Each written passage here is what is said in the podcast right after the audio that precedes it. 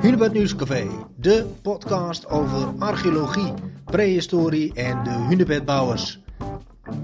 Vandaag spreek ik met universitair docent fysische geografie Kim Cohen over ja, de geologische kant van Doggerland. Ehm, het verdwenen landschap in de Noordzee. Ehm, zal ik uh, meneer Cohen zeggen? Of zeg je van nou, uh, Kim is ook goed? Wat, uh... Je mag Kim zeggen hoor. Graag. Nou, helemaal goed. Um, nou ja, Kim, ik, ik, spreek met jou over Doggerland.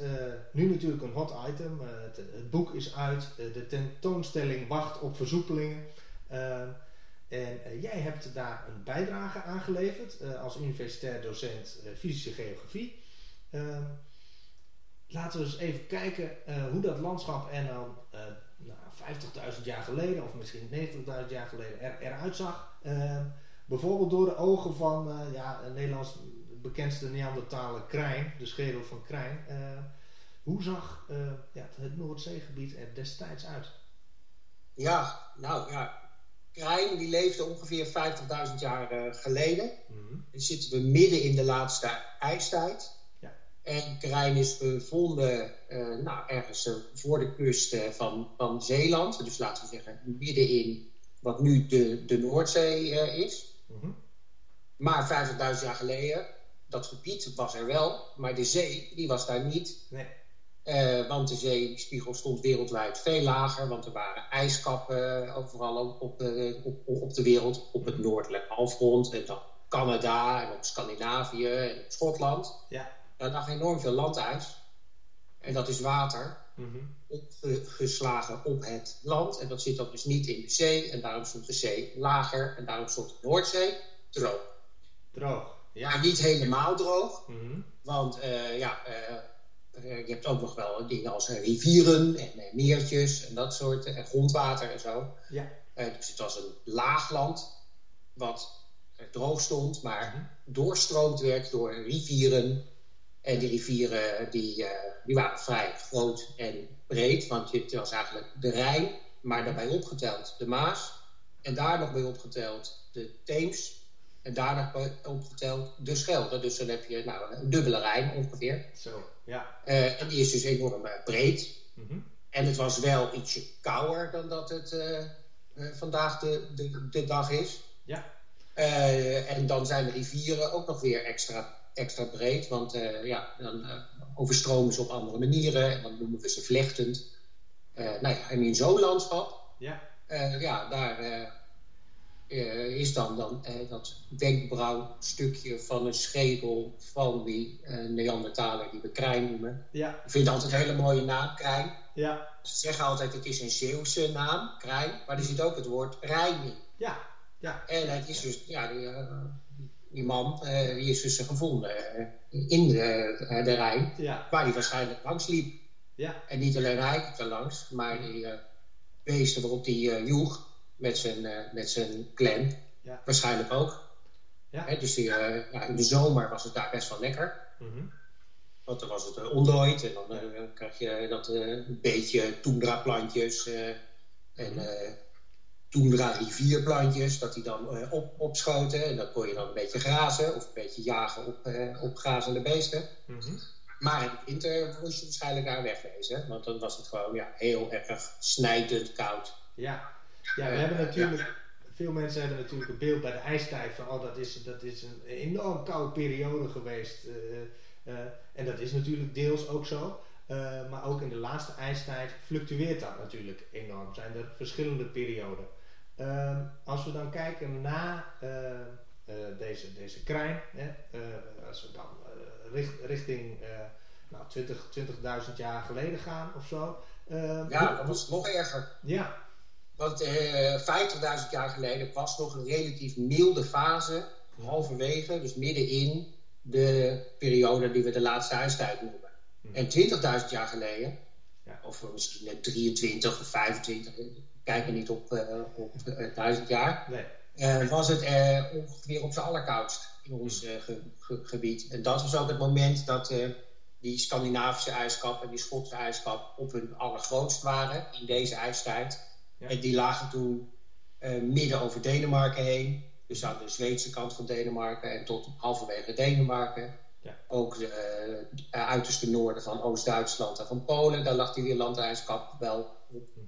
En uh, Noorwegen lag ook helemaal onder het landijs. En daar, vanuit daaruit lag het ijs ook wel een stukje de Noordzee op. Mhm. Maar dit is dan de noordelijke Noordzee, dus die Noorse en Noord-Engelse of Noord-Britse gedeelte van, van de Noordzee. Daar lag wel wat, wat landijs. Ja. En ook, maar bij ons niet. Maar wij zaten wel, zeg maar, ja, afgeschermd, geblokkeerd door die uh, grote ijskappen in het, in, het noorden. Dus de kou, die mhm. voelden we, we wel, hè, met de uh, valwinden die van die, die van die ijskap afkwamen. ja, in ons land zien we dan wat we vaak het dekstand noemen. Mm Dus heel veel windafzettingen overal liggen daar ja, een soort verzandstraalde duinlandschappen, die liggen daar ja. Uh, uit, die, uit die, die tijd. En die waren ook onbegroeid op dat moment. Oké. ja. uh, en dan, ja, als je nog een klein beetje zuidelijker afzakt, dus uh, niet meer in Groningen blijft hangen, maar -hmm. of Drenthe of maar, in het rivierengebied, ja. nu de Betuwe is, en daar dan een beetje dieper. Ja. Daar lag, bleef toch wel die rivier dan stromen. Dus, dus de meest habitable, hè, dus de meest bewoonbare plek uh, uh, langs die rivier op het koud van de ijstijd, was toch langs de rivier. Ja. Dus die rivier die was niet uh, stijf bevroren het hele jaar door. Mhm. In de winter wel waarschijnlijk, ja. maar in de lente dan smolt het toch wel gewoon, net zoals het nu doet. Ja. En dan, dan stroomde die prettig, prettig door. Dus het was ook niet permanent be bevroren bij de rivier en de rest van het land wel. Ja, ja. Ehm, dus uh, ja, uh, was het eigenlijk minder, minder aangenaam uh, voor, voor mens, mensen en mensachtigen, stel ik me zo voor. Um, en mensen waren gewoon helemaal weg. Ja. Het, is, geen enkele menselijke vondst van 25.000 jaar oud. Er zijn er wel een paar van mm -hmm. 35.000 jaar oud, net voordat het koud werd. Mm -hmm. En dus ze komen dan ook terug van ongeveer 15.000 jaar geleden. Ja. Maar het maximum koude ja. dan is het hier zeg maar uitgestorven, letterlijk. Hè? Ja. ja. Dus uh, het is aannemelijk om dan te zeggen dat ze eigenlijk met, uh, met uh, de dieren waar, waarop gejaagd werd zuidelijker zijn getrokken. Ja, en als ze het wel bleven, dan hebben ze het niet overleefd. Dus dan waren ze weg. Ja. Om die reden. En er was wel menselijke aanwezigheid in nou, ja, ja. mediterrane streken, Golf van Biscayen. Mm -hmm. daar was het beter. Ja hoe zuidelijker, hoe beter eigenlijk. Dus daar uh, konden die clans uh, ja. nou, uh, een paar duizend jaar door overleven. En vervolgens toen het weer ietsje gunstiger werd, ook bij ons, nou dan komen ze terug met de dieren en de vegetatie en de temperatuur stijgen mee eigenlijk. En dan hebben we het over zo'n 12.000 jaar geleden? Ja, ik zou zeggen 15, 14,5. Ja. Mm -hmm. maar ja, 14,5 zijn het de allereerste rendierjagers. En dan rond de 13.000, dan is het alweer een stukje opgewarmder. Dan is er al wat, wat meer bos, dus dan heb je geen rendiejagers, maar rettenjagers enzovoort. En mijn archeologische collega's die kunnen daar dan ja. van alles over uh, vertellen, wat dat allemaal doet met uh, mensheid en zo. Maar daar heb je hier een podcast over. ja, nee, heel goed, heel goed. Uh, ja, nee, dus eigenlijk wat je zegt is dat, dat ook zelfs op het koudste gedeelte van, van de laatste ijstijd is eigenlijk altijd de uh, rivierendelta en toen nog één grote rivier uh, blijven stromen. Ja, ik, dat vind ik wel. De rivier is de constante factor. Ik zou niet zeggen rivierdelta de hele, hele tijd, maar ik zou zeggen rivierdal. Oké. Okay. want hij eindigt, hè, een rivierdelta is voor mij waar de rivier eindigt. Ja. En in zee uitkomt en dan stilstaand water ont, ontmoet. Mm -hmm. En in de ijstijd lag dat nou, ergens tussen Cornwall en uh, Brittannië lag daar uh, dan uh, de delta van de, de, Rijn. Ja. Zeg maar 20.000 jaar geleden. En 15.000 jaar geleden was het al ietsje warmer geworden. Ook de zee een stukje omhoog gekomen. Dus de kustlijn een stukje dichterbij. Mm -hmm. Maar nog steeds was dat ver, ver van het Nederlands deel van de Noordzee verwijderd. Ja. Dus toen lag de, de delta van de Elbe lag op een gegeven moment... Nou, halverwege Nederland en Noorwegen of zo. Hè? Dus uh, ah, ja. Mhm. ruim ten noorden van Helgeland. Ja. En uh, het delta van de Rijn uh, ja, die lag ongeveer tussen Dover en, en, en Calais, zeg maar. Ja. Op dat ja, dus op het moment dat het aangenamer en aangenamer werd hier in, in Noordwest-Europa, veranderde het gebied van de Noordzee eigenlijk dus in een rivierendelta. Ja, en werd wel steeds bewoonbaarder. Mhm. En, en ja, ja, dat klopt. Oké, ja. De rivierdelta is een heel prettig uh, gebied. Hè? Dus je hebt vrij af, afwisselend met een beetje hogere en een beetje lagere delen. Ja. Uh, veel verschillende soorten vegetatie. ook vervoersmogelijkheden. vrij makkelijk. Je hoeft van boomstam uit te tollen. Je kan kanoën, zeg maar. Het gaat een stuk harder dan wandelen. Ja. Ja, en het, je, hebt je ook veel minder um, moeilijk om te verdwalen. Want je blijft gewoon de rivier volgen. Mm Tot je bij uh, de mooie opvallende heuvel bent. En dan weet je weer dat je was waar je, waar je vorig jaar was. Ideaal landschap voor, ja. voor, voor, voor mensen. Het enige probleem was dat die zeeman omhoog bleef komen. Ja, dus precies, het ja. mm niet, geen eeuwigheidswaarde had, dat landschap. Nee. Nu is het natuurlijk door, als ik het goed heb, Christopher Reed destijds gedacht dat de rivierendelta eigenlijk omhoog liep, of naar het noorden, de, de, de rivier naar het noorden vertakte. Ehm, maar nou, recenter onderzoek heeft dat eigenlijk onderuit gehaald. Hè?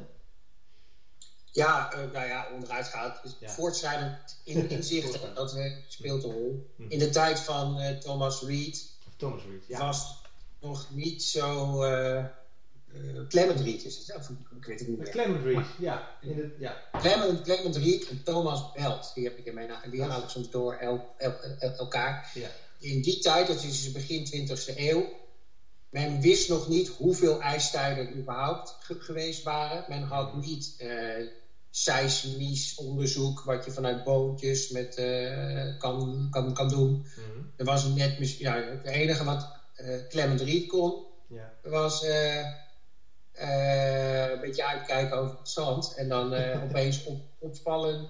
Op het, het kon hem opvallen dat er opeens bomen uit, uit zee kwamen. En dat vond hij gek. Ja. Een boom doe je niet onder water. Dus als ze er wel van onder water vandaan komen, dan moet de zee vroeger land zijn geweest. Ja. En waarschijnlijk ook dan een stukje lager ge, gestaan hebben. Mm En dan zit er dus een heel onontdekt of een nieuw ontdekt landschap dan onder. Ja.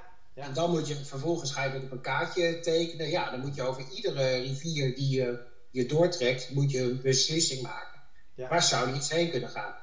en dan je het een, uh, een, in eerste instantie tekenen. Dan moet je vooral ook schetsen. Daar ben ik wel dankbaar voor dat men dat toen ook al deed. Want beter om zo'n plaatje te bekijken. Zo'n kaartje zegt meer dan duizend woorden. Ja. Uh, maar het zijn voor een deel ook ja, um, denkbeelden, hypotheses nog. Mm -hmm. En vervolgens, ja, dan kan je honderd jaar doorgaan met allemaal onderzoekertjes en bootvaartjes van allerlei plamage. Ja. En dan kom je erachter dat sommige van die lijnen inderdaad uh, helemaal gelijk al op de goede, goede plek lagen. Mm -hmm. En andere net een beetje anders liepen.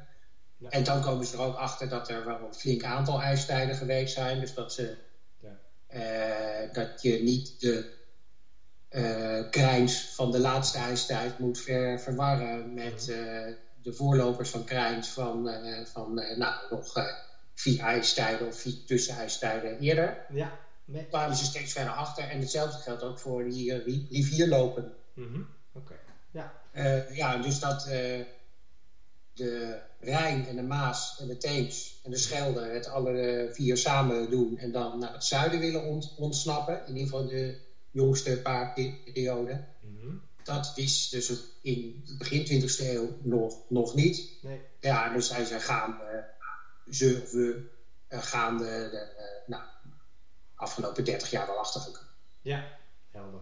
Helemaal goed. nou, je zei al van, oké, okay, dus, dus in die laatste, of in die, ja, die laatste fase na de ijstijd, of de eerste fase na de ijstijd, laat ik het zo zeggen. was er dus een rivierdelta in het, in het Noordzeegebied, maar de zee bleef ook stijgen. Uh, ja. Ja, hoe lang duurde dat? Hoe ging dat in zijn werk? Eigenlijk zeg maar, um, als je Nederland nu in je, in je, in je hoofd hebt, mm -hmm. Dat is eigenlijk de positie min of meer waar de, de kustlijn de laatste 8000, misschien moet ik zeggen 7000, in de Noord-Nederlandse kust 7000, de Hollands-Zeeuwse kust 8000 jaar, ongeveer zo. Ja. De laatste 8000 jaar ligt het wel ongeveer op zijn, zijn plek zoals we dat nu zien. Mhm. Maar zodra je daarvoor gaat, dus dan gaan we van 15.000 jaar geleden tot aan 8000 jaar geleden, dat ja. publieksboek en dat zeg maar Mhm. De kaartjes gaan we dan uh, nou, bijna per duizend jaar uh, doorheen. Ja. Uh, en dan verschuift de kustlijn razendsnel mm over het hele gebied. Want het begint ergens tussen Schotland en, en Noorwegen. En die komt uit bij Friesland en Groningen, zeg maar. Ja. Of hij begint ergens nou, bij Normandië. Mm en hij eindigt bij Rotterdam. Ja. Ja. dus die, dat noemen we transgressie, hè? het mhm. verplaatsen van de, van de kustlijn in uh, uh, landwaartse richting. Ja. Mhm. En uh, ja, dat kunnen we helemaal volgen eigenlijk in de, de, de tijd. Wanneer was de kustlijn waar? Ja. En dat doen we met, door boringen in zee te, te, te, zetten en te zoeken naar lage basisveen noemen we dat. Dus het zijn harde, bonkige veenlagen. Mm uh, en uh, die kunnen we dan vinden op 70 meter waterdiepte, op 50 meter waterdiepte, op 30, nou, overal waar we het willen vinden. Ja. En dan wordt het ook steeds jonger, dat vee, naarmate we dichter en hoger ja. uh, bij de huidige kustlijn zitten. En dus ondieper in de, de, de Noordzee komen. Ja. Dus we kunnen maken een hele soort serie mm -hmm. van dat soort dateringen. Met heel veel verschillende onderzoekers samen.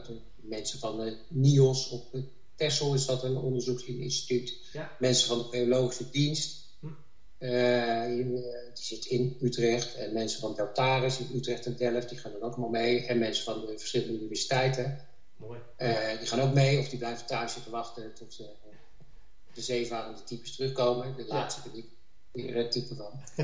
en dan gaan we nog een, een van de lab. en dan, ja. en dan duurt het een jaar of drie, vier tussen dat de bootcampagne geweest is en dat we er helemaal uit zijn. Ja. Maar dat soort uh, ideeën, uh, voor, ideeën en waarnemingen en mhm. feiten worden het net uiteindelijk. Ja. Uh, gebruiken we om die zeespiegelstijging en de kustlijnverplaatsing, om die mhm. ja, in kaartjes te maken. Ja, zo, zo is ook zeg maar de, nou, het, laatste, het laatste stukje ehm, uh, ja, bekend uh, geworden dat dat toch ook door een aardverschuiving uh, ten hoogte van Noorwegen nou, een beetje een stroomversnelling, om dat woord dan maar te gebruiken, is, ja. is, is, is, geraakt. kun je... Het is nu, hmm. onze, dat hele onderzoek van die ver, verplaatsing van die, van die kustlijn, dat ja. bestrijkt mm -hmm. van 15.000 tot nou, laten we stoppen bij 8000 jaar geleden. Ja. En in die hele periode zijn er een paar hele spannende dingen gebeurd. Oké. Mhm. Eh, die we, waaronder die uh, aardverschuiving die ook een tsunami heeft opgewekt, die is helemaal aan het eind. Ja. Maar uh, als we bijvoorbeeld aan het begin zijn, rond 13.000 is er een vulkaanuitbarsting in onze buurt. Die proberen we eigenlijk ook te zoeken en te er is ook nog een periode, die heet de jonge, jonge dat het eventjes weer kouder wordt. Hm. Overwege de opwarming valt het eventjes terug en dan, dat soort dingen. En waar moeten we uh, we hebben, En we hebben ook nog in die zeespiegelstijging, dat gaat niet met een constante snelheid, maar dat, uh, ja, dat uh, zwelt steeds aan en dan remt het weer een beetje af en dan neemt krijgt het een volgende puls. Dus daar zitten allerlei trappen in. Mhm. Dus er zijn een hele serie spannende momenten aan te wijzen in die hele tijdlijn. En de tsunami, ja, natuurlijk, tsunami, hartstikke spectaculair. Wordt er ook bij. En die is dan bijna helemaal op het laatst. Mhm. En dat telt dan nog eens extra op om het spectaculair te maken. Het was niet alleen de geleidelijke verdrinking. Nee. Maar er kwam ook nog die enorme klap van een, uh, ja, een, een, tsunami overheen. Die in Schotland en Noorwegen erg groot, groot was. En in onze ondiepere, plattere streken net op een andere manier dan eh, aankwam kwam rollen. Maar ook nog wel flink ver landinwaarts gereikt moet, moet hebben. Ja. Uh, nou ja, hartstikke mooi. Ik ben nog wel even nieuwsgierig waar die vulkaanuitbarsting uh, ten hoogte... Lage Zee is in de Eifel. Dus oh, dat is het ja. vlakbij Bon en Koop, tussen Bon en Koblenz ongeveer. Oh ja, nou ja, dat is inderdaad uh, behoorlijk dichtbij, hè? ja. Behoorlijk dichtbij, ja. En gelukkig ging de, de as die ging, uh, over Denemarken en Midden-Duitsland en Frankrijk. Want die wind stond gelukkig niet onze kant op. Oké, dus de mensen die in de Noordzee woonden, die zagen misschien mooie bloedrode zonsondergangen. Mm Maar die hadden niet die asregen over, over zich heen. Maar misschien dat ze wel allerlei verschroeide vluchtelingen in hun kanootjes aan zagen komen varen. Die eh, uit het uh, door de asregen bedekte gebied verdreven waren en zo. Ja. Een soort culturele vermengingsscenario's ja, denken de archeologen ook aan. Dus ook nog een reden waarom dat gebied ja, zo gasvrij, zo prettig was eigenlijk. Mhm. Dus ik denk ook dat die tsunami, mm bijvoorbeeld, kijk, het is heel, heel erg uh, als, je een, als je langs een kust woont en een tsunami over je heen krijgt. Maar als je toch al een kanoer was en een jager, verzamelaar en een vrij mobiel type, is dat misschien wat minder erg dan, uh, ik weet niet, als je daar een kerncentrale gebouwd hebt zoals ze in, in Japan hadden, ja. jaren geleden dan ben je wat minder mobiel en uh, duurt het wat langer om je weer te herpakken. Mhm. Dan als jij een jager-verzamelaar bent en toch wel gewend bent dat het ja. de natuur uh, nare dingen met je doet. Ja. die helemaal onverwacht op je afkomen. Ja, heel mooi. Ik wil eigenlijk nog even twee, twee kantjes op. Eén is, ja, zijn er nu nog dingen die momenteel worden onderzocht of die jullie nog heel graag willen onderzoeken? Eh, eh, om, om, om een duidelijker beeld te krijgen van eh, het gebied, het verdwenen landschap? Of hebben jullie eigenlijk alles wel in kaart? Nou, dat laatste nooit. Het is nooit af. Natuurlijk hebben we altijd een kaart, maar het is altijd, het is voor een deel blijft het een ideeënkaart, mhm. een hypothesekaart. Ja. Omdat de daadwerkelijke waarnemingen, die zijn gewoon zeer dun gezaaid op de, de, Noordzee. Mm en er zijn heel veel, het is een grensgebied. Hè. Je hebt uh, de Nederlanders, de Duitsers, de Denen, de Nooren, de Engelsen, de Belgen en een stukje Fransen. Ja. En die doen er allemaal aan mee, maar ze hebben allemaal hun eigen instituutjes. En er zijn meestal twee of drie groepen per land, die mhm. soms wel samen, samenwerken en soms hun eigen dingetjes doen. Ja. Dus uh, in de, zeg maar het, het totaaloverzicht krijgen, daar, uh, daar, ben je, daar moet je ook altijd mee, mee, mee bezig. Er zijn ook wel clubs die zich daar vooral op, op richten. Uh, dus, uh, nou, dus daar is wel wat in te, te, te, winnen. Dus ik denk dat de kaarten nog een stuk mooier en beter kunnen mhm. dan dat we ze nu al hebben. Alhoewel ik ze nu ook prachtig vind. maar het is altijd heel moeilijk om, uit te, te, om helemaal scherp te maken welk stukje van de kaart zeker weten is. Mhm. En welk deel vermoedelijk is. En welk deel, ja, het, het was wit.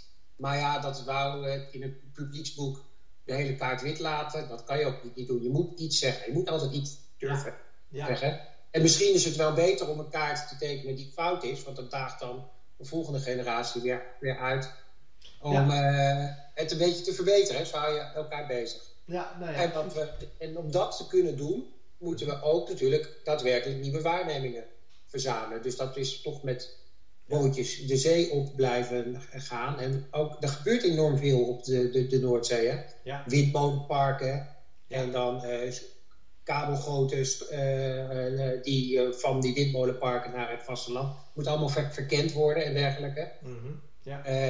en dus er is heel, het is heel belangrijk dat ook de onderzoekers mee kunnen kijken met die gegevens, zeg maar. Nou, daar worden ook al grote stappen in gemaakt de laatste tijd. Oké, nou dat is... Uh, dus, uh, ja. en dat, als je de boring dan eenmaal hebt, mm -hmm. dan is het ook weer, toch wel weer drie, vier jaar tijd, wachttijd, ja. door de tijd, eventjes een of andere actie doen en dan weer ja. de volgende persoon er mee, mee, mee bezig. Mm -hmm. Ja. Dus er zit best wel veel werk in, in zo'n individuele uh, punt. Ja. Maar uiteindelijk, nou ja, we komen rustig aan, komen een, een heel stuk. Ik vind die Doggerland tentoonstelling, wat daar bij elkaar gebracht is, wel echt een mijlpaal. En als je dat vergelijkt met wat we 20 jaar geleden wisten, ja. nou, ik ben best redelijk trots. Ja, Het mooie is ook dat je steeds meer samenwerking tussen disciplines ziet in algemene zin. En daar is denk ik dit, deze tentoonstelling in het boek van Dogeland ook, ook een vrucht van. Het is heel interdisciplinair, ja. dat klopt. Ja. Ehm, nou ja, wat, wat ook in die tentoonstelling zit, is eigenlijk een nou ja, verwijzing naar de tijd van nu. Hè? Uh, van ja, hoe gaan we om met de zeespiegelstijging en uh, alle invloeden die wij hebben op de aarde. ja, hoe kijk jij daar tegenaan? ja, het is een. Um, ik denk dat wij, ik zei dat eigenlijk net ook al bij die tsunami-impact. ja. Ik denk dat de huidige mensheid, mm -hmm. met zijn, nou, met hoeveel zijn we inmiddels? Wat, wat was het? Richting de 10 miljard gaan we heen. Hè? Dat, dat, We hebben iets van 9 miljard mensen of 8, ik weet het niet eens meer. Maar het gaat heel hard om, omhoog en er zijn er enorm veel. Mm. Uh, en we zijn erg gesteld op, op één plek wonen en, uh, en dat soort dingen. Het liefst in, in het Nederlandse geval zo dicht mogelijk bij de, de kust wonen, zoveel de meeste mensen. Ja, ja ik zit er uh, Dus we zijn daardoor kwetsbaar door onze, door onze luxe ja. en door onze aantallen. Mm -hmm. Uh, en natuurlijk hebben we ook heel veel technologie en kennis en zien, we het, zien wij dingen aankomen, uh, menen we, waar dat vroeger gewoon over, overkwam.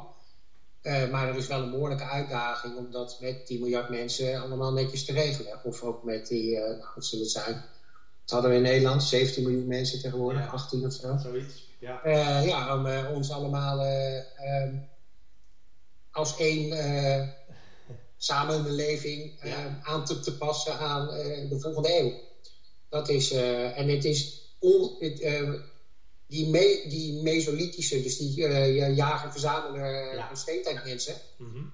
die hebben dit meegemaakt. Ja met 50.000 of zo die er toen in Nederland woonden op een mo mo moment. Ja. En die waren mo mobiel. Maar dat waren ook is ongeveer de laatste ja. generatie, of het laatste tijdperk dat de mensheid met dit soort uh, grote zeespiegelstijgingen ja. te, te dealen heeft gehad. Want die laatste 8000, of in ieder geval de laatste 6000 of 5000 jaar, viel het echt wel mee met zeespiegelstijging. Mm -hmm. Was die geleidelijk. Ja. Pas nu in, uh, in onze 20e eeuw en de huidige 21e eeuw, nu gaat zeespiegelstijging weer omhoog met snelheden van die tijd van nog een land.